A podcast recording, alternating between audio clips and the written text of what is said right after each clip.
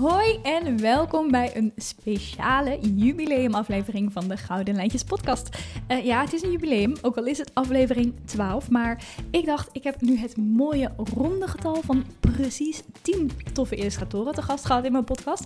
En daarnaast één bonusaflevering met een ander soort toffe ondernemer. Uh, dus dat is rond genoeg om een feestje te vieren. Dus ik heb daarom deze keer geen gast, maar ik ga lekker zelf al mijn advies en al mijn geheimen over jullie uitstorten.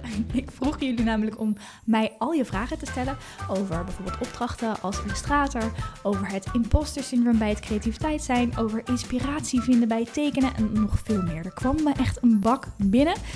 Dus ik zou zeggen, we gaan lekker beginnen. Pak er vooral een kop thee bij of natuurlijk gewoon lekker potlood en papier. Want ik hoop je natuurlijk altijd met deze podcast te inspireren om lekker aan de slag te gaan. Eerste vraag komt van Vera. Zij vraagt: Wat is de drijfveer geweest om anderen zo aan te moedigen en te inspireren om ook gewoon lekker te gaan tekenen? Vond ik een hele belangrijke om mee te beginnen, want inderdaad, dat is mijn missie. Om te laten zien dat iedereen het gewoon mag doen. Komt natuurlijk ergens vandaan. Jullie hebben het misschien al wel eens gehoord. Ik dacht vroeger dat ik niet kon tekenen. En vooral merkte je dat er zo'n hoge standaard hing aan kunst, aan eigenlijk alles rondom tekenen. Het moest allemaal perfect lijken en anders, nou ja, kon je jezelf eigenlijk niet echt vertonen. Uh, daarom deed ik het dus ook nooit en dat vind ik zo ontzettend zonde. Ik heb gaandeweg nou ja, mijn leven, mijn creatieve carrière, heb ik ontdekt dat je gewoon mag tekenen. Dat je plezier mag hebben. Dat het niet een soort van enorme opdracht is waaraan je aan gemeten wordt, maar dat het eigenlijk iets is om jezelf lekker te uiten en om plezier te maken. Daarom vind ik dat heel erg belangrijk om anderen daar ook in aan te moedigen. Nou ja, en dat is een heel belangrijke drijfveer voor mij. Om dan meteen maar door te gaan met dat imposter syndroom. Lina had daar ook een vraag voor, over. Zij zei: Zelf vind ik het tekenonderwijs, onder andere op middelbare scholen, tenminste, het was zo toen zij op school zat, erg demotiverend. Vooral in het begin, als het nog een verplicht vak is, ging het, niet meer over, ging het meer over realistisch tekenen dan over hoe je je creatief kan uiten. Dit was ook de reden dat ik heel lang dacht dat ik niet kon tekenen en niet creatief was. Hoe kijk jij hier tegenaan? Nou, dus exact dit. Ik had ook zo'n docent. Ik denk ook misschien achteraf, je ervaart dingen natuurlijk ook anders als je een soort onzekere puber bent. Er gebeurt al genoeg om je heen en er gebeurt al genoeg in je lijf en om je heen en in alle sociale connecties. Je bent al heel erg onzeker en je wordt je gewoon heel erg bewust van alles wat je doet. En als je dan ook nog zo'n docent hebt die het niet helemaal snapt of die het op een andere manier uitlegt, dan kan dat gewoon funest zijn voor je creativiteit. En dat is super, super zonde. Ik ben daarom ook in mijn cursussen heel erg bewust ervan uh, dat het niet gaat om welke lijn je precies goed zet, maar meer om het durven tekenen. Ik vind dat ontzettend belangrijk. Dus ja, daar, uh, daar ben ik het helemaal mee eens, Line. Ik vind het zonde dat het tekenonderwijs daar zo op gefocust is. Sowieso kan je een hele discussie erover houden. Over cijfers en dingen, uh, creatieve uitingen, cijfers geven en tegen maatstaffen aanleggen. Is misschien weer een andere discussie. Ik denk dat je inmiddels weet hoe ik er tegenover sta. Anna vroeg: Wanneer durfde je op je eigen creativiteit te vertrouwen? En wanneer werd je hobby dus een onderneming? Het lijkt mij moeilijk om te beslissen wanneer je gevorderd genoeg voelt om een onderneming te starten. Oké, Anna, ik ga je wat vertellen je gaat je nooit gevorderd genoeg voelen. Zelfs ik heb nog wel het idee over uh, dat, dat ik soms niet goed genoeg ben of dat er iets niet helemaal lukt zoals ik, ik. Ik moet ook nog dingetjes leren. Zo gaat dat gewoon. En daarom is mijn aller, allerbeste advies is begin voordat je denkt dat je klaar bent. Laat het gewoon al aan mensen zien. Um, natuurlijk snap ik, dat is misschien, daar kom ik later nog even op terug, dat is weer iets anders dan wanneer je je baan meteen opzegt voordat je je hele hobby uh, tot, je, tot je beroep maakt. Maar op je eigen creativiteit vertrouwen, ga daar gewoon nu al mee aan de slag. Laat het aan mensen zien. Uh, trouwens, het was ook eigenlijk nooit per se mijn hobby, dat creatieve. Want ik heb dus heel erg lang niet getekend, omdat ik dacht dat ik het niet kon. Ik zag het ook niet zo als mijn hobby. En vrij snel nadat ik ging letteren, dus ik ging letters maken, handlettering heet dat dan in die term, ehm, ben ik daar ook workshops in gaan geven. Gewoon om maar, om maar wat uit te proberen. Um, het leuke is, als je wat uitproberen, dan kun je later heel erg terugkijken op groei. Als jij wacht totdat je beter bent, tot je, wanneer je gevorderd genoeg bent, zoals jij het zei, uh, dan A, kun je heel erg lang wachten, want je vindt jezelf dus nooit gevorderd genoeg. En B, je hebt ook geen oefening tussendoor, dus daardoor groei je niet, dus word je ook nooit gevorderd genoeg. Begin dus gewoon, laat het aan mensen zien, laat je proces aan mensen zien. Wees daar ook niet bang voor. Hè? Een van de feedbackpunten die ik heel veel terugkrijg van dat ik mijn werk zoveel deel op Instagram of mijn proces achter de schermen doe ik natuurlijk ook veel via stories. Is dat mensen ik zeggen, ik vind het zo fijn om te zien dat je ook tegen dingen aanloopt. Of ik vind het zo fijn om te zien hoe het, hoe het echt gaat of, of dat je ook fouten maakt. Er zijn echt geen mensen die mij gaan uitlachen. Nou, misschien doen ze dat wel. Misschien doen ze het achter mijn rug. I don't know. Maakt me ook niet uit. Maar die dan gaan zeggen: Oh, kijk, zij maakt een fout. Wat belachelijk. Of ze weet niet precies hoe het hoort. Haha, wat belachelijk. Nee, mensen vinden het juist heel erg herkenbaar, heel menselijk als ze zien. Nou ja, dat je aan het leren bent. En als er mensen zijn die jou uh, daarom uh, helemaal de grond in praten, zijn dat niet jouw type mensen. En dan zou ik zeker daar niet naar luisteren. Christel vroeg dus ook, hoe overwin je dat imposter syndroom? Nou ja, wat ik net al zei, ik denk dat ja, het is aan de ene kant niet te overwinnen en aan de andere kant wel. Hm, dit wordt een heel dubieus antwoord. Maar zoals ik zei, ik heb er ook nog steeds last van. En ik kan, kan je garanderen dat anderen dat ook hebben. Um, ik heb dus inmiddels al tien illustratoren te gast gehad. En natuurlijk daarvoor nog in, in mijn omgeving heel veel collega-illustratoren gesproken. En iedereen heeft altijd ergens wel een gevoel van, oef, ik weet niet precies hoe ik dat moet aanpakken. Nou, de enige manier is dus enerzijds niet per se naar dat stemmetje luisteren, of in ieder geval het niet te veel aandacht geven, maar gewoon doen.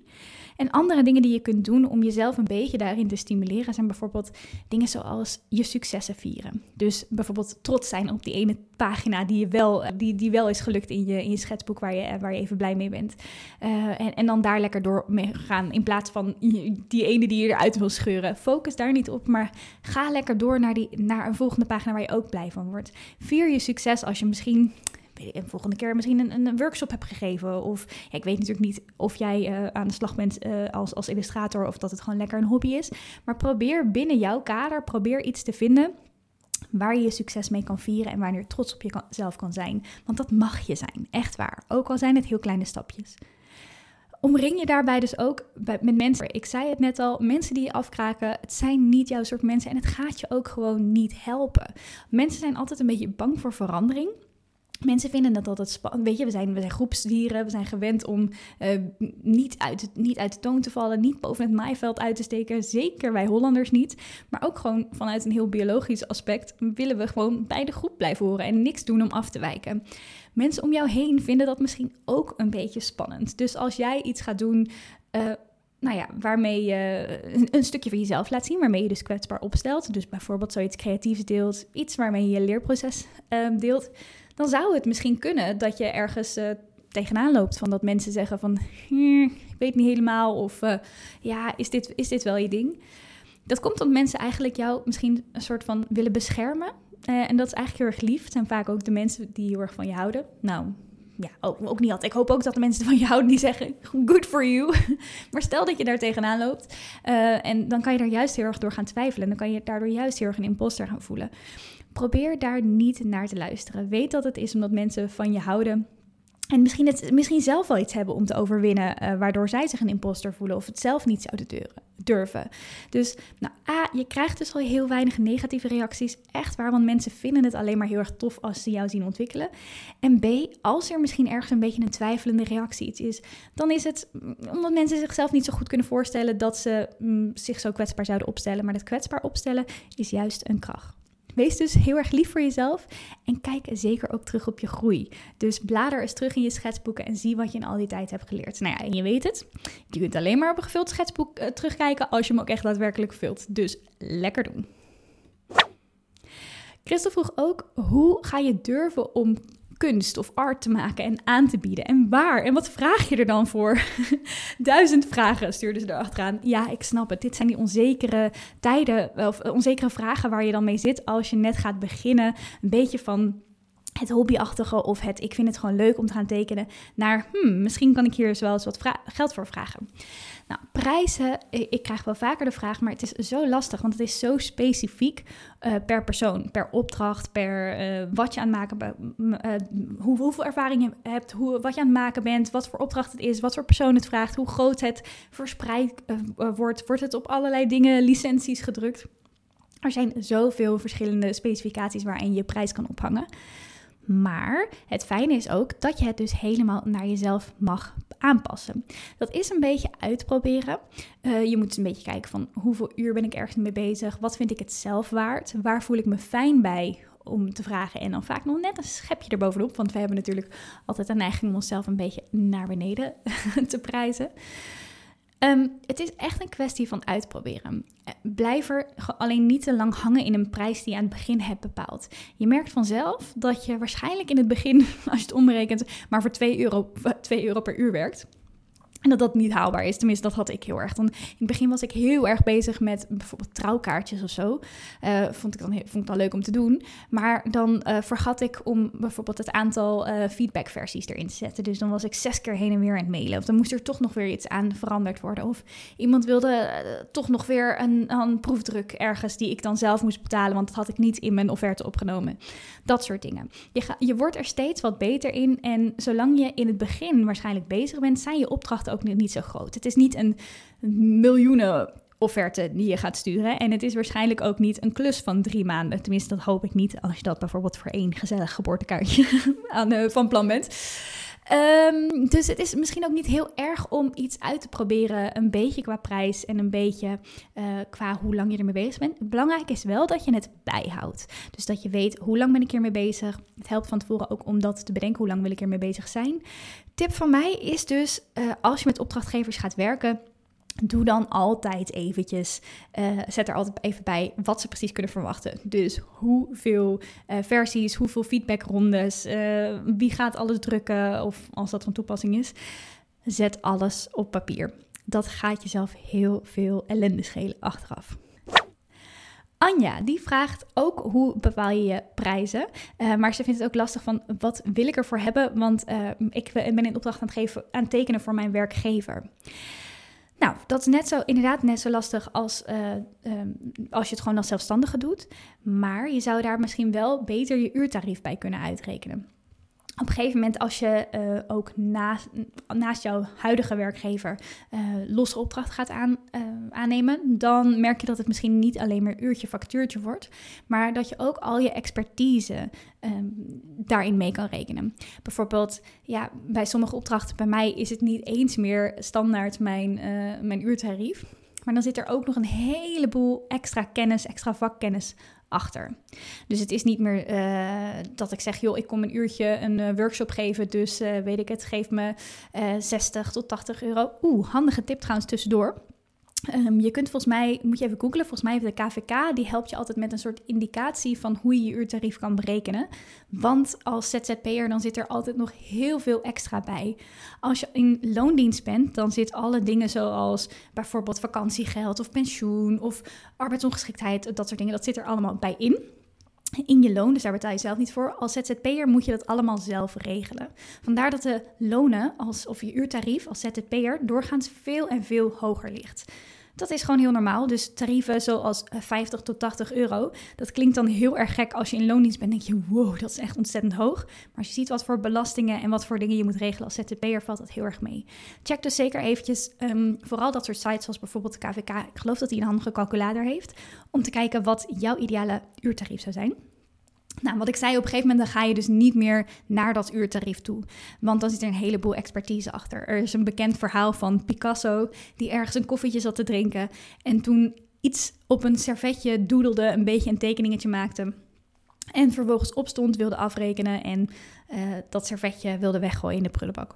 Toen kwam er een vrouw op hem af en die zei: oh, Mag ik alsjeblieft dat servetje met uw kunstwerk hebben? En toen zei hij: Nou, dat is goed, dat is dan 10.000 wat zal het zijn wat ze daar toen hadden? Pesos? Hm, weet niet. uh, en toen zei ze, hè, maar u heeft het net in, uh, in vijf minuutjes getekend en u wilde het ook weggooien. En toen zei Picasso dus, het gaat niet om die vijf minuten van het werk wat erin zit. Het gaat om al die jaren ervaring die ik heb opgedaan om tot deze vijf minuten te komen. Ik kan het nu in vijf minuten omdat ik weet hoe dat moet in vijf minuten. En dat, daar betaal je ook voor. Nou, dat gaat dus op een gegeven moment als je verder gaat in je carrière, dan neem je dat ook allemaal mee. Bijvoorbeeld, ik heb nu regelmatig opdrachten, opdrachtgevers, waarbij ik natuurlijk meeneem. Stel dat ik bijvoorbeeld bij hen een workshop kon geven, een uurtje maar. Maar dan neem ik daar natuurlijk bij mee dat ik die workshop voorbereid en, en, daarna doe en het materiaal uittest. Maar ook dat ik bijvoorbeeld het aankondig op mijn social media, waar ik elke dag heel veel gratis werk in steek en daardoor daar heel erg in ben gegroeid. Dus daar uh, heel veel bereik heb, waar de uh, klant als het ware, de opdrachtgever, die lift daar dan lijkt gratis op mee. Maar dat neem ik dus ook allemaal mee in mijn offerte. Ik heb inmiddels ook heel veel ervaring met bijvoorbeeld meedenken over marketingtactieken, over social media strategieën, over hoe bepaalde merken met elkaar uh, kunnen samenwerken, over hoe uh, bijvoorbeeld deelnemers reageren op een bepaald product, wat voor vragen ze zullen hebben, uh, hoe zij ook nog. Um, weer verder dingen willen, willen weten of bijvoorbeeld uh, dingen willen kopen. Stel dat ik een workshop doe, dan is het altijd handig als je daar een pakket bij kan aanbieden of uh, dat je in ieder geval een link hebt naar het materiaal wat ik, wat ik gebruik. Dat soort dingen, het lijken van die eenvoudige dingen, maar het is best wel wat kennis die je opdoet over de loop van de jaren en waar je dus een klant of een opdrachtgever heel erg goed mee kan adviseren. Dat betekent dus dat ik dan op dat moment, nou ja, eigenlijk grof, grof gezegd, meer waard ben dan iemand die alleen maar even een uurtje komt aanlopen. Uh, alleen maar zijn ding doet en daar verder, nou ja, niks van dit, al dit verlengde bij doet. Dat zegt overigens natuurlijk niks over of ik als persoon meer of minder waard ben. Nee, alsjeblieft niet. We zijn allemaal hartstikke veel waard. Uh, maar het betekent wel dat ik heel veel waarde extra kan bieden voor de klant, die niet allemaal in dat uurtje zitten, maar die al heel erg, die je er gratis bij krijgt, die ik meeneem in mijn achterhoofd. En daarom ga je dan op een gegeven moment niet meer voor een uurtarief uh, rekenen, maar bijvoorbeeld voor een projectprijs. Genoeg over geld. We gaan weer lekker naar iets anders. Nou ja, de vraag van Ingeborg gaat eigenlijk ook nog een beetje over geld. Het, ze vraagt namelijk: maak je gebruik van een agent of van iemand anders die voor jou klanten of opdrachten binnenhaalt, of doe je dat zelf? En hoe doe je dat dan? Doe je dat alleen via social media of ook op andere manieren? Nou, inmiddels heb ik best wel mazzel en gaat er heel veel vanzelf. Er komt best wel veel op me af. Ik heb inmiddels best wel een goed netwerk, ook via social media. En mensen weten me wel te vinden. Maar in het begin, uh, toen ik net begon, had ik dat natuurlijk nog niet. En uh, was netwerken gewoon ontzettend belangrijk. Als je denkt netwerken, help, waar moet ik beginnen? Ik zou eerst beginnen met dat je vindbaar bent. Dat je laat zien wat je gaat doen. En het maakt niet uit aan wie je dat laat zien of aan wie je dat vertelt, als je het maar overal vertelt. Dus uh, bij mij begon het bijvoorbeeld bij het vertellen Um, nou, bij mij zat eerst ook nog een hele overtuiging in de weg van ik ben niet creatief. Dus bij mij begon het eerst uh, met uh, mezelf voorstellen aan mensen met hoi, ik ben Anne en ik ben creatief. Oké, okay, dat zei ik niet op elk feestje. maar om wel eens als mensen bijvoorbeeld vroegen, oh, ben je een beetje creatief of zo, dat ik dan zei ja. Dat was voor mij al een heel erg grote stap. Um, overigens, uh, saillant detail, ik moest daarvoor naar het buitenland om dat te durven doen. Want dan had ik het idee, oh, dan zit ik niet meer in mijn vaste omgeving. En dan daar in het buitenland, ik was in, in, in New York en Londen, had ik toen eventjes... Um, een, een, reisje en daar ging ik heel veel naar. Probeerde ik dan naar gallery openings te gaan, uh, waar kunstwerken allemaal hingen. En daar werd dan die vraag was dan wat normaler. Hè? Van uh, oké, ben je ook creatief of are you an artist as well? En dan zei ik uh, yes I am, thank you. en dat was best wel spannend om te doen, maar tegelijkertijd ook heel erg bevrijdend. Want als je iets tegen jezelf zegt of vaak genoeg herhaalt of een gedachte herhaalt, dan wordt het voor jezelf ook vertrouwder en comfortabeler. Dus ga je het op een gegeven moment geloven en dan wordt het makkelijker om jezelf daarna de volgende stap te zetten. Bijvoorbeeld, ja, ik ben creatief. Sterker nog, ik vind het heel erg leuk om uh, uh, kaartjes te maken, om prints te maken, om uh, muren te beschilderen, dat soort dingen. Is trouwens ook een goede tip. Uh, met opdrachtgevers laten weten dat je in de markt bent. Uh, als je het soms een beetje moeilijk vindt om jezelf aan te prijzen.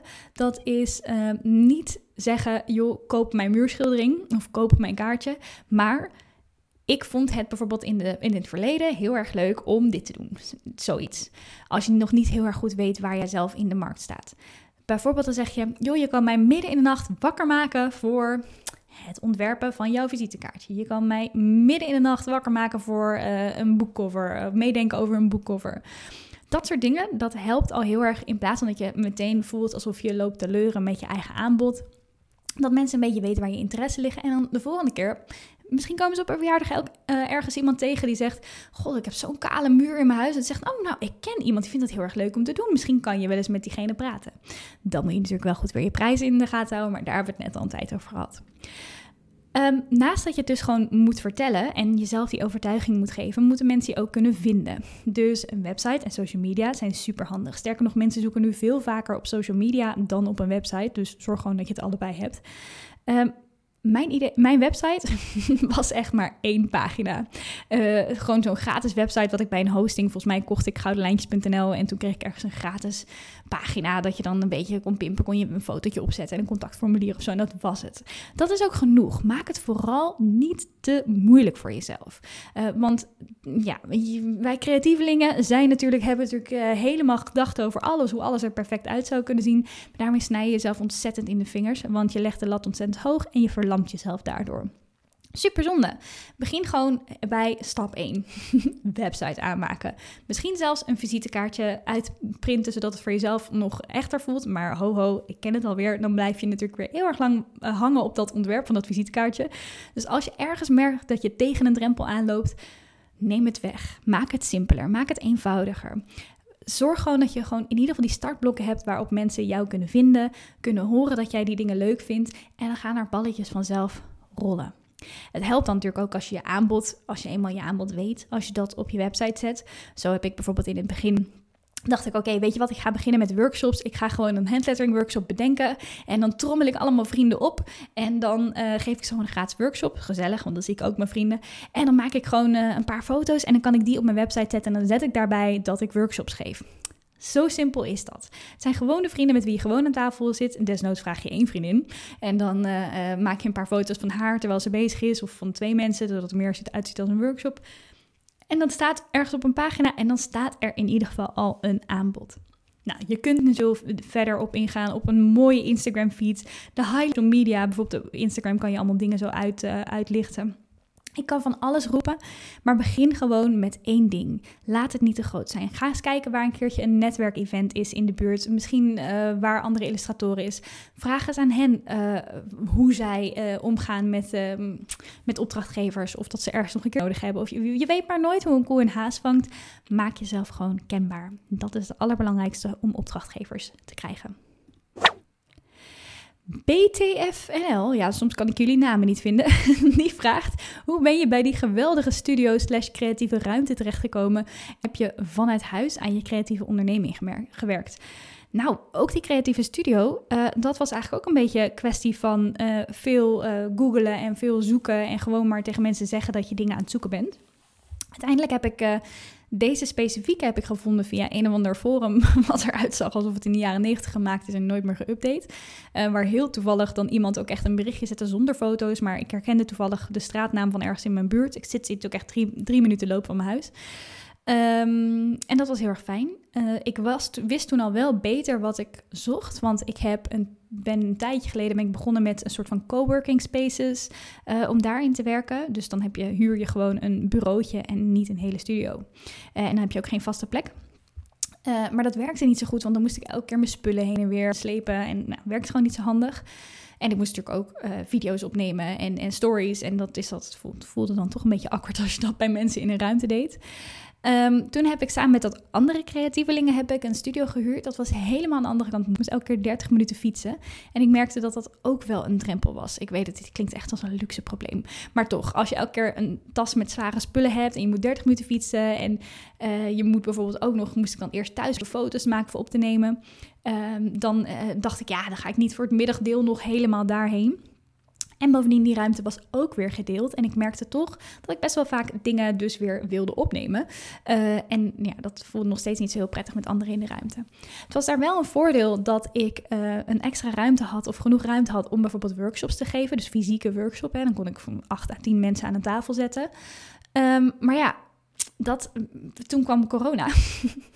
en toen was dat ook snel klaar. En bovendien merkte ik dat ik toch meer naar online ging dan naar offline. Dus toen heb ik die ruimte opgezegd. Had ik een tijd niks. Toen heb ik dus uh, inderdaad de, um, mijn slaapkamer, die in de kelder van mijn huis is, heb ik een beetje omgebouwd naar een heel fijne werkstudio. Dat was echt prima om te doen.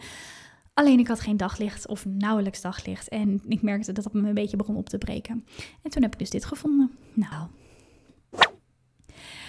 Caroline, en veel anderen herkenden dit, die, zeiden, die zei: Ik probeer mezelf creatief bij te scholen in mijn vrije tijd. Ze zegt: Het gaat echter nogal traag. En nu vraag ik me af of al die andere zorgen en verplichtingen hiernaast me zo hard remmen. Ik weet uit eerdere vlogs van je dat jij dit ook als autodidact gedaan hebt. Deed jij dit toen fulltime? Hoe lang heb je dan over de zelfstudie gedaan? Want het blijft natuurlijk steeds bijleren en zo. Maar ze zegt: Ik denk hierbij aan een eerste startperiode. Nou, ik snap dat, dat je het gevoel hebt dat je geen tijd hebt. Ehm, ik denk dat dit ook weer een beetje samenvalt met dingen te groot maken. Uh, want je kunt in vijf minuutjes kun je ook weer wat leren ik kijk bijvoorbeeld heel vaak, ik ben een beetje verslaafd aan YouTube. heel vaak als ik ga zitten ontbijten of lunchen, dan zet ik even een YouTube filmpje op. Vijf minuutjes om iets te kijken. Uh, soms zijn dat Sims filmpjes. Ik, uh, ja, ik zal toe, toegeven, ik uh, kijk allemaal filmpjes van mensen die de Sims spelen en dat dan streamen. Het is echt een zware verslaving.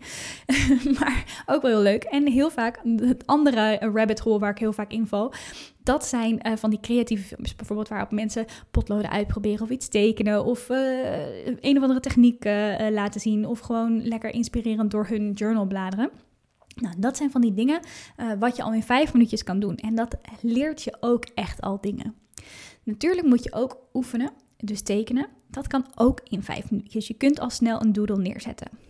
Je zult namelijk zien dat het belangrijkste voor tekenen is eigenlijk niet per se. Ja, natuurlijk, je, je, de, de manier waarop je lijnen zet. En, en, en weet je, je gaat die techniek die in je hand zit, moet je ook echt trainen. Maar een van de belangrijkste factoren is niet per se die techniek, maar het durven doen. Mensen op de kunstacademie heb ik me laten vertellen, want ik heb er zelf dus niet op gezeten, want ik heb inderdaad mezelf alles geleerd die leren ook produceren, produceren, produceren, schetsboeken vullen. Ga maar door, ga maar door tekenen. Maak maar zoveel tekeningen in een, in een, in een half uur. Maak maar uh, twintig tekeningen in een half uur, bij wijze van spreken zodat je alle twijfel eigenlijk in ieder geval uit je lijf hebt. Want die twijfel die kost je eigenlijk meer tijd dan het oefenen zelf. Omdat je gaat denken, ja, dan moet ik er echt even voor gaan zitten. En dan moet ik precies de juiste omgeving. En dan moet wel mijn tafel mooi opgeruimd. En dan moet ik precies de juiste materialen. Er zal vast wel iets tussen zitten wat je hier tussen aanspreekt. Waarvan je denkt, ja, het lukt me eigenlijk niet. Maar zelfs al ga je even doedelen in de trein onderweg naar je werk. Of zelfs al ga je eventjes, eh, nou ja, dus je ontbijtbordje natekenen Terwijl je uh, aan het ontbijten bent. Zelfs al uh, ga je, wat zullen we doen? Terwijl je in, in de rij staat voor uh, de supermarkt, ga je dan misschien heel eventjes je pen tevoorschijn halen en het eerste wat op de, op de supermarktband, de afrekenband ligt, dat tekenen, dat doelen. En het ziet er natuurlijk niet uit, want je hebt maar een minuutje. Maar je zet jezelf dan wel over die angst heen en je opent je brein wat meer naar die leergierigheid, waardoor je als het ware als een spons alles gaat opzuigen. En je merkt dan dat je wil daarna ook elke minuut opvullen met leren. Dat had ik in ieder geval. Ik zag het ook echt een beetje als vrije tijdsbesteding uh, om meer te leren over kleurpotlood. Ik vond het fantastisch. Vind ik nog steeds heel erg leuk. Soms zit ook mijn hoofd vol en heb ik er even niks aan. Dan ga ik dus die Sims filmpjes kijken, zeg maar. Uh, maar het is zeker niet dat ik dat altijd fulltime heb gedaan. Er zijn wel periodes dat ik dat fulltime doe. Bijvoorbeeld in de periode dat ik mijn uh, Procreate cursus, dat is digitaal tekenen op je iPad, dat ik daar weer eventjes zeker wilde weten dat ik echt alles van de app weer wist. Toen heb ik echt fulltime alle filmpjes, alles, alles wat ik maar wist, wat ik maar kon vinden, uh, heb ik bekeken. Al het hele internet leeggezogen om research te doen, fulltime, echt een aantal weken lang. Um, maar dat wist, was ook omdat ik wist dat ik het moest reproduceren. En dit is zoiets specifieks. Uh, met heel erg veel techniek en knopjes en dat, dat, dat, Wat ik allemaal heel goed wilde uitleggen. Uh, dat het dan ook handig is om er echt een soort van studie van te maken. Uh, maar verder zou ik zeggen, laat je leiden door je nieuwsgierigheid. Pak elke minuut en dan bouw je dat vanzelf wel een beetje uit. Geniet ervan. Ga lekker tekenen. En uh, ja, als dit gaat om dat je uiteindelijk een businessplan plan lucratief wil maken, dan kun je die minuten natuurlijk ook inzetten. Terwijl je aan het tekenen bent van, hmm, hoe zou ik er geld mee kunnen verdienen? Al is het maar een minuutje dat je erover nagedacht. Ik zeg altijd, suddertijd is ook heel erg belangrijk. Dus zorg dat je de gedachten al een keertje door je hoofd hebt laten gaan. Laat hem lekker sudderen in de tijd dat je geen tijd hebt om, om, over, om er echt daadwerkelijk mee bezig te zijn. En dan komt het later, komt het ergens klaargestoomd weer tevoorschijn. Margret vroeg, je kunt soms zo chaotisch overkomen. Hoe krijg je alles gepland en opdrachten op tijd af? Uh, ja, Margret, ik ben inderdaad best chaotisch. Het is ook wel zo dat ik het een beetje benadruk online omdat het soms gewoon fijn is om jezelf een beetje hè, een soort, uh, soort um, hoe zeg je dat, een soort image te geven. En ik vind het ook wel lekker als mensen weten wat ze kunnen verwachten van mij. Dat ik gewoon niet heel gestructureerd ben. Maar Ehm, ik ben op sommige punten wel. Allereerst ben ik wel betrouwbaar met deadlines en zo. Uh, en op sommige punten ben ik ook ehm, toch, nou ja, enigszins wel gestructureerd. Misschien heeft dat ook te maken met het sudderen wat ik net, uh, waar ik net over had. Um, van businessplannen bedenken en dat soort dingen. Eigenlijk is er altijd wel een soort rode draad van een focus waar ik naartoe wil. En daar kan ik dan dus wel de dingen een beetje om organiseren. Misschien klinkt het nog een beetje vaag. Maar allereerst heb ik dus, ja, ik noem het uh, ik heb ooit een heel fijn boek gelezen, Four Tendencies van Gretchen Rubin. En uh, het gaat er een beetje om, de hoofdmoot is hoe je reageert op verwachtingen van buiten en verwachtingen van binnenuit. Dus verwachtingen die je jezelf uit, uh, oplegt. Dus bijvoorbeeld een verwachting van buiten kan zijn, uh, mijn baas wil dat ik dit morgen om tien uur af heb. En verwachting van binnen kan zijn, ik ga morgenochtend om tien uur tekenen. Niet omdat iemand het van me verwacht, maar omdat ik het moet. Nou, ik ben dus zo'n type die heel goed gaat op die outer expectations, die verwacht, verwachtingen van buiten. Wat betekent dat ik heel goed ga op deadlines. Nou, daarbij kan het dan dus zo zijn dat het dan heel goed helpt als je iemand anders vraagt om bijvoorbeeld uh, jouw deadlines te geven. Wat voor mij heel fijn werkt, is dat Yvette, dat is inmiddels mijn business manager, ze begon ooit voor mij als VA, Virtual Assistant. Uh, zij weet heel veel uh, van bijvoorbeeld mijn planning, van mijn agenda.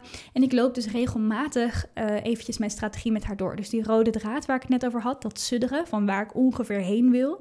Uh, die heb ik in mijn hoofd. Vervolgens heb ik het idee dat ik ongeveer 80 uur in één uur kan proppen. Ik weet niet wat dat is, maar het blijft me altijd, blijft, blijft dat mijn probleem. Ik denk altijd dat ik veel meer kan doen in een dag dan dat ik uh, daadwerkelijk kan. En dan leg ik alle ideeën en alle uh, input en alle vragen en alle opdrachten die er op, op me afkomen leg ik even langs de lijn samen met Yvette. Gaan we kijken wat daar ook nog meer bij komt kijken. Want bijvoorbeeld stel dat ik een nieuwe workshop wil maken. Dan komt daar niet alleen de workshop bedenken, workshop opnemen bij. Nee, daarna moet je ook nog je marketing gaan doen. Je moet het aan iedereen vertellen. Je moet social media posts doen. Je moet uh, promo-video's maken. Je moet um, je, je, je, je, je deelnemers motiveren. Je moet huiswerkopdrachten delen. Er zit heel veel meer tijd in dan dat je in het begin inschat. En dat pakken we dan allemaal samen en dat leggen we dan nou ja, in mijn agenda. En hoe past dat dan? En heb je dan dus ook nog tijd voor andere projecten? Nou, dat zorgt ervoor dat ik niet helemaal gek word. Dus dat helpt. Uh, daarbij zijn dan dus ook uh, andere deadlines van andere mensen die ik dan, die ik dan uh, aanhoud. Dus soms vraag ik gewoon letterlijk: hey, dit is voor mij een beetje. Of uh, zou je me even willen laten weten wanneer je dit aangeleverd wil hebben, ondanks dat er niet een specifieke deadline aan zit? Want dan ga ik er gewoon beter op. Nou, en dat helpt mij om toch een beetje uh, gestructureerd te werken. Helaas lukt dat dus niet altijd voor mijn eigen projecten en doelen. zoals die dingen zoals elke dag tekenen of uh, ik ga nu echt eens even lekker ontspannen of een week niks doen. Dat vult zich dan toch altijd weer met, met projecten en andere leuke ideeën. Maar daar werk ik aan.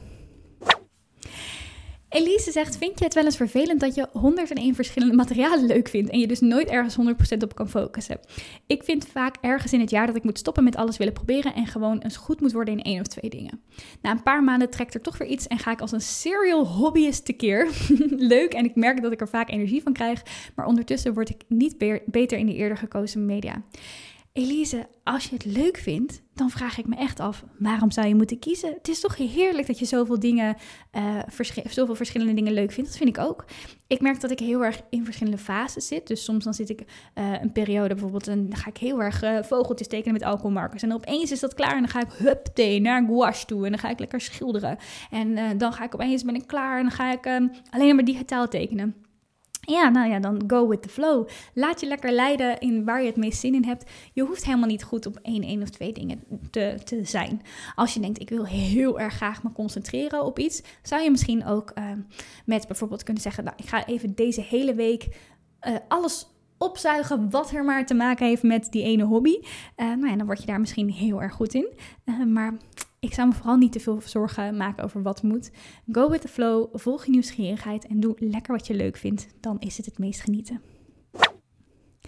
Agnes vraagt daarbij ook: wat is je favoriete tekenmateriaal? Nou, mixed media. Maar hey, wanneer je deze podcast luistert, weet ik maar nooit wanneer het weer veranderd is.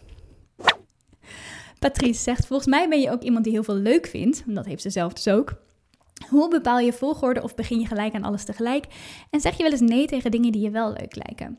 Nou, dit heb ik een beetje geïnterpreteerd als niet per se tekenmateriaal waar we het net over hadden, maar bijvoorbeeld ook opdrachten. Want ja, oh, er zijn zoveel opdrachten waar ik nee tegen moet zeggen. Of nou ja, zoveel. Nou klinkt het net of ik elke dag uh, twintig uh, opdrachten aanvraag krijg. Dat is ook niet zo. Maar ik heb wel ook veel ideeën waar ik zelf ook nee tegen moet zeggen en opdrachten of aanvragen. Of bijvoorbeeld, ik krijg regelmatig aanvragen voor samenwerkingen, omdat het op social media natuurlijk wel goed gaat um, voor bepaalde producten. Um, die dan op zich wel leuk zijn of lucratief zijn, waar je best wel wat geld mee zou kunnen verdienen. Maar dan moet ik toch soms nee zeggen. En soms dan past het zelfs perfect in het plaatje. Bijvoorbeeld dan is het een materiaal wat ik leuk vind. Dan is het ook nog eens uh, gewoon netjes betaald. En, een bedrijf wat ik leuk vind. En jullie zouden het ook mooi vinden om te zien ergens online. Maar dan denk ik, ja, als ik hier nu weer ja tegen zeg... dan heb ik geen tijd voor een ander groot project waar ik mee bezig ben. Of geen tijd om bijvoorbeeld zelf lekker te experimenteren en nieuwe dingen te leren. Dus ik moet er nee tegen zeggen. Ja, en dat is soms best wel lastig. Maar het is wel belangrijk. En, en dan uh, heb ik het dus al gehad over best wel fixe voorselectie die ik heb voordat ik ja zeg. Iemand heeft het ooit uh, samengevat gevat als kijk of het aan één van de drie of twee van de drie uh, factoren voldoet. Poen, plezier en prestige, dus die drie P's. Dus krijg je er geld voor, vind je het leuk om te doen, of prestige, nou dat noemen ze tegenwoordig ook heel vaak exposure. Uh, er uh, soms voegen ze ook nog uh, purpose eraan toe, dus weet je, is bijvoorbeeld iets voor een goed doel wat je, wat je wil doen. ja, ik weeg altijd die factoren een beetje aan elkaar, met elkaar af. Let daarbij wel op dat voor exposure werken, dus die prestige, daar moet je echt heel voorzichtig mee zijn. Er is een heel interessante hashtag, misschien ken je hem wel, hashtag bij de bakker. Ik geloof dat dat hem is, hashtag bij de bakker. Waar creatieven uh, alle verzoeken die zij krijgen vergelijken met hoe je dat zou vragen, of hoe dat zou staan als je dat bij de bakker ook zou vragen. Bijvoorbeeld, stel dat iemand je vraagt. Joh, wil jij uh, voor mij uh, een mooie muurschildering op kantoor maken? het is, er is geen. Um, er is geen budget, maar je krijgt wel heel veel exposure, want er komen allemaal uh, bekende of grote bedrijven bij mij over de vloer, dus die zien dat dan en dan gaan die dat ook aanvragen. Nou, dat, is, dat zal een beetje hetzelfde zijn als dat je bij een bakker vraagt van, hey joh, wil jij voor mij even een gratis bruidstaart maken? Um, je wordt niet betaald, maar op mijn bruiloft komen ook allemaal mensen uh, die misschien ook wel gaan trouwen. Dus die zien dat dan. Dus dan kunnen ze dat misschien bij jou ook bestellen. Nou, dat soort voorbeelden uh, dat, uh, dat, uh, dat is heel interessant bij hashtag bij de bakker. en dat is dus een beetje waar je moet opletten met exposure. Er zijn wel degelijk opdrachten waar exposure zwaar kan wegen. Hè, ik heb bijvoorbeeld natuurlijk wat ik voor koffietijd heb gedaan. Dat geeft mij ook veel autoriteit. Dus dat is ook een. Daar word ik trouwens niet alleen maar. Dat werkt niet alleen maar voor exposure. Ik word er gewoon voor betaald. Maar dat is wel iets waar je exposure natuurlijk wat zwaarder weegt. Dan bijvoorbeeld als ik het bij uh, Jan om de hoek zou doen en daar in zijn huiskamer een, een muurschildering of een demootje zou geven. Dus weeg dat gewoon een beetje af. Uh, en uh, ja, nee is soms een veel waardevoller, veel, veel, veel waardevoller dan een ja. Omdat je dan ook ja kan zeggen tegen weer dingen die echt belangrijk zijn.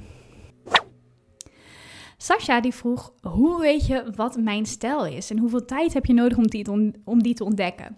Door workshops en live sessies te volgen creëer je vaak in de stijl van degene die lesgeeft. Inderdaad, Sascha. Er waren ook heel veel anderen hier benieuwd naar. Dit is een vraag die ik ook erg vaak krijg, zeker ook tijdens mijn workshop. En helaas moet ik hem even beginnen te beantwoorden met het grootste cliché dat er maar is, het rot antwoord. Maar die stijl die zit al in je. Je ziet hem vaak alleen zelf niet. En inderdaad, als je workshops volgt en je gaat dan precies iets natekenen, ja, dat is natekenen, dat is goed voor je technische oefeningen. Hè? Dus waar zet je, waar zet je lijnen? Uh, misschien niet heel erg voor je eigen stijl. Het is wel heel erg leuk om te doen en het, het helpt je over die angst voor de witte pagina heen, hè? heen waar ik het in het begin over had, over de durven heen. Wat ik je daarna zou adviseren is lekker doorgaan. Dus met de vaardigheden die je hebt geleerd in die workshop, probeer hem dan een beetje om te zetten naar jezelf. Dus heb je ergens geleerd om een, uh, I don't know, een eekhoorn, een eekhoorn te tekenen. Ga dan diezelfde skills dus toepassen en ga een rendier tekenen. Ik weet niet, dat is het eerste wat in me op. Ga een keertje een vaas tekenen in, in die stijl. Of ga een keertje uh, uh, juist iets denken, oh, hey, als ik nou opeens dit met een blauwe stift teken in plaats van, eh, ik weet het niet, ik roep ook maar wat. Maar ga lekker doordenken. Ga proberen, hey, wat vind ik hier wel leuk aan? Wat vind ik hier niet leuk aan? Probeer ook dingen te volgen bij verschillende mensen met verschillende stijlen, zodat je een beetje de krenten uit de pap kunt pikken. En van elke, elke persoon eigenlijk een beetje het, het, hetgene kunt pakken wat je pikt. Er is een heel interessant boek hierover, dat heet Steal Like an Artist, Stil als een artiest, van Austin Kleon. En dat gaat er ook over dat je zelf eigenlijk een mix bent van de meeste mensen, van de mensen die jou het meest inspireren. Dat zegt niet dat je natuurlijk heel erg moet gaan kopiëren en alles nadoen en dingen stelen.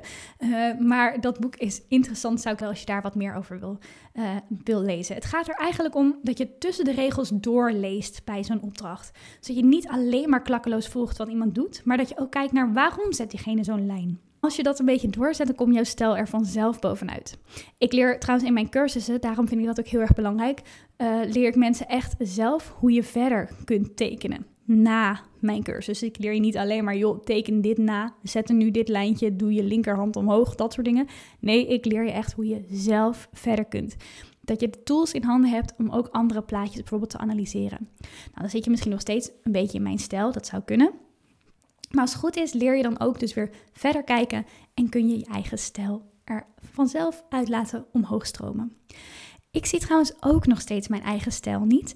Dat blijft waarschijnlijk een beetje zo. Uh, maar dan soms helpt het om dan naar andere mensen te vragen: hey, wat vind jij eigenlijk dat een beetje? Als jij mijn stijl zou moeten omschrijven, wat zou het dan zijn? En dan komen er vaak verrassend samenvattende antwoorden uit.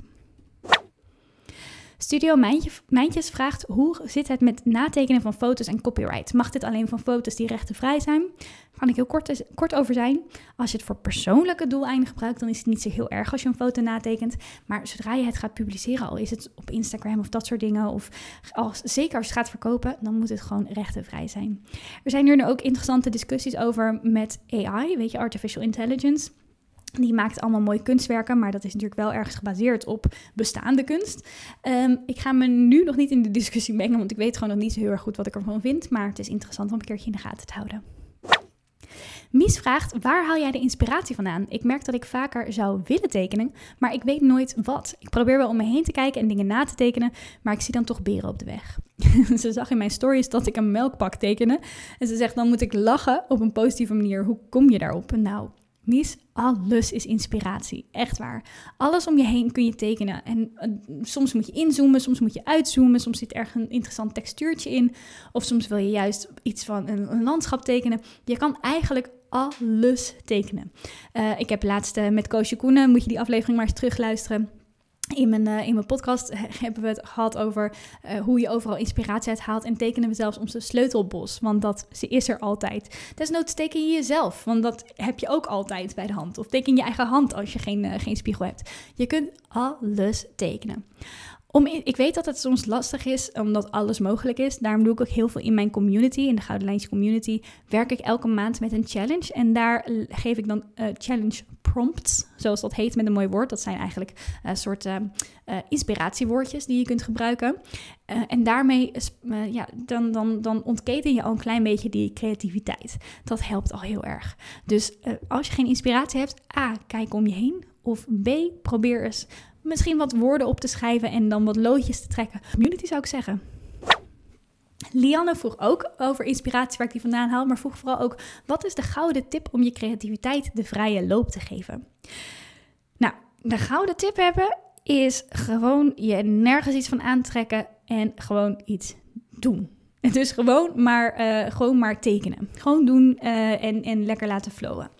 Ik weet tegelijk dat dat makkelijker gezegd dan gedaan is. Soms helpt het om je grenzen een beetje in te kaderen. Dus die challenge waar ik het net over had, met die kaartjes, die, challenge prompts. Um, het klinkt heel tegenstrijdig, maar soms door je creativiteit in te kaderen, dan geef je jezelf eigenlijk wat meer houvast. Dus als die witte, witte pagina ontzettend naar je aan het staren is, en je denkt, wat moet ik in hemelsnaam tekenen? Uh, stel je maar eens voor, doe je ogen maar eens dicht en denk, oh, ik heb nu een wit papiertje voor me. Als ik dan nu tegen je zeg, teken op dat witte papiertje iets wat oranje is dan gaat er misschien al meteen iets bij jou stromen. Dat weet ik niet. Als ik dan zeg, ga iets tekenen wat oranje is en wat mm, je vast kan houden. Dan gaat er misschien nog weer iets stromen. zeg ik, ga iets tekenen wat je oranje is, wat je vast kan houden en wat je in de natuur vindt. Nou, Ik weet niet wat je er nu bij uh, hebt voorgesteld. maar uh, de, grote kans is dat er al wel een, ergens een soort van plaatje in je hoofd vormt. Dus dat het al veel makkelijker wordt. Dat je een soort beginnetje hebt om, om, om ja, mee, aan, aan de slag te gaan. Ik heb ook een website, uh, inspiratiegenerator.nl. En daar heb je dan ook een aantal uh, dieren, locaties en emoties erbij. Waardoor je dus opeens een uh, geschrokken panda in de achtbaan krijgt. Of een, uh, wat zullen we zeggen, een verlegen chimpansee in de keuken. en dan daar gaan meteen ook al dingetjes van stromen. Dus soms helpt het om je creativiteit een beetje in te kaderen. Om het juist meer te laten flowen. Het kan ook helpen als je uh, denkt, nou ik wil niet per se iets tekenen, maar ik moet gewoon even loskomen. Is om bijvoorbeeld je pols een beetje los te maken en gewoon te gaan krassen. Gewoon uh, bijvoorbeeld swatchen, dus alle kleurtjes uittesten van je, van je materiaal. Maar ook gewoon lekker krassen en, en dingen door elkaar doen en vlekken maken. Dat helpt heel erg. Ik ben zelf ook bezig met een boek hiervoor, wat heel erg helpt met al die belemmerende gedachten die jou van je inspiratie weghalen. Maar kortom, inspiratie is eigenlijk overal. Dan zijn er nog een aantal uh, tekentips uh, waar mensen om vroegen. Ik zal ze niet allemaal doen. Eh, want het blijft een podcast en het is gewoon makkelijker om te laten zien. Uh, maar eentje die ik wel makkelijk kan uitleggen is die van Marjolein. Ze zegt, ik scroll af en toe door de community, dus die Gouden Lijntje community waar ik net over had. En de week deed ik een opname met tekenen van mensen. Uh, de avond erop ik mezelf na van vakantiefoto's. Dat bleek veel makkelijker te zijn dan onbekende mensen. Herken je dat en heb jij nog een leuke hack om iets wat heel lastig is, makkelijker te maken?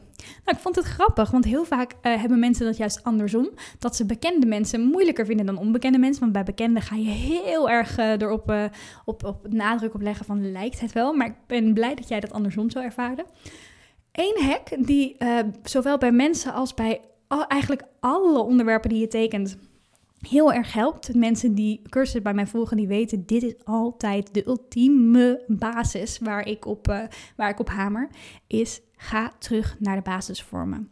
Dus probeer dingen terug te brengen tot echt gewoon een cirkel, een vierkant, een driehoek. Probeer dat te vinden in bijvoorbeeld een mens. Nou, dan is het hoofd spreekt een beetje voor zich dat dat een cirkel is.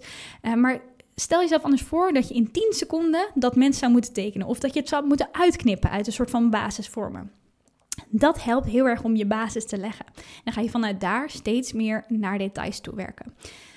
Ik weet, het klinkt nu een beetje vaag, maar let maar op, als je dit steeds meer gaat internaliseren, dan worden zelfs de meest ingewikkelde voorwerpen, kun je terugbrengen naar basisvormen en worden daardoor veel makkelijker. Tot slot heb ik nog een vraag van Wilma. En Wilma vroeg: Heb je een doel voor jezelf waar je over vijf jaar of tien jaar zou willen staan? Nou, ik ben momenteel het universum aan het ingooien dat ik de volgende Bob Ross word. Misschien met iets minder krullen. of misschien een soort uh, eh, 24 Kitchen-achtig uh, kanaal. Waar dan uh, lekker veel aandacht is voor slow TV. Samen tekenen lijkt me ontzettend leuk. misschien wel met een fijne community eromheen. Je weet maar nooit hoe, het hoe, het hoe dat soort dingen lopen. En ja, dat klinkt een beetje, of ik zeg dan wel het universum ingooien. Misschien doet het je meedenken aan dingen zoals manifesteren, wat er mogelijk is je kunt ervan vinden wat je vindt. maar eigenlijk net als bij creativiteit en dingen terugbrengen naar die basisvormen waar ik het over heb. Soms als je dingen gewoon benoemt bij hun naam, dan helpt het je om de stappen te zien die je mogelijk zou moeten zetten om daar te komen. Het wordt gewoon wat behapbaarder. Dus nou ja, ik gooi er maar uit dat over vijf of tien jaar ik ergens een show à la Bob Ross wil hebben. Waarbij ik lekker iedereen de mooie kanten van het tekenen wil laten inzien. Het benoemen in een podcast is misschien wel weer een klein stapje in de goede richting. En daar hou ik het dan bij, want de tijd zit er alweer op. Dus uh, nou, dankjewel voor iedereen die een vraag heeft ingestuurd voor deze speciale jubileumaflevering. Ik zeg op naar het volgende jubileum. En uh, wil je nou dat ik deze podcast inderdaad lekker blijf maken? Geef me dan vooral ook even een leuke review. Of laat zien dat je deze podcast leuk vindt. Uh, of dat luistert door mij te taggen. Uh, het Gouden Lijntjes kun je me vinden. Of gebruik de hashtag Gouden Lijntjes podcast. Alle informatie over boeken die ik heb genoemd en dat soort dingen die vind je in de show notes. En wist je dat er ook allerlei aftertalk video's te zijn in de Gouden Lijntjes community. daarin klets ik dan samen met gasten. Dus niet alleen zoals dat ik nu deed, maar samen met mijn gasten. Klets dan nog even na over de podcast die we dan daarvoor hebben opgenomen. En dan krijg je ondertussen een kijkje in ons tekenproces. En dat is echt ontzettend leuk om te zien bij al die verschillende mensen. Nou, ook informatie daarover vind je in de show notes. Dus uh, ik wens je alvast heel veel tekenplezier. En ik zeg tot de volgende aflevering.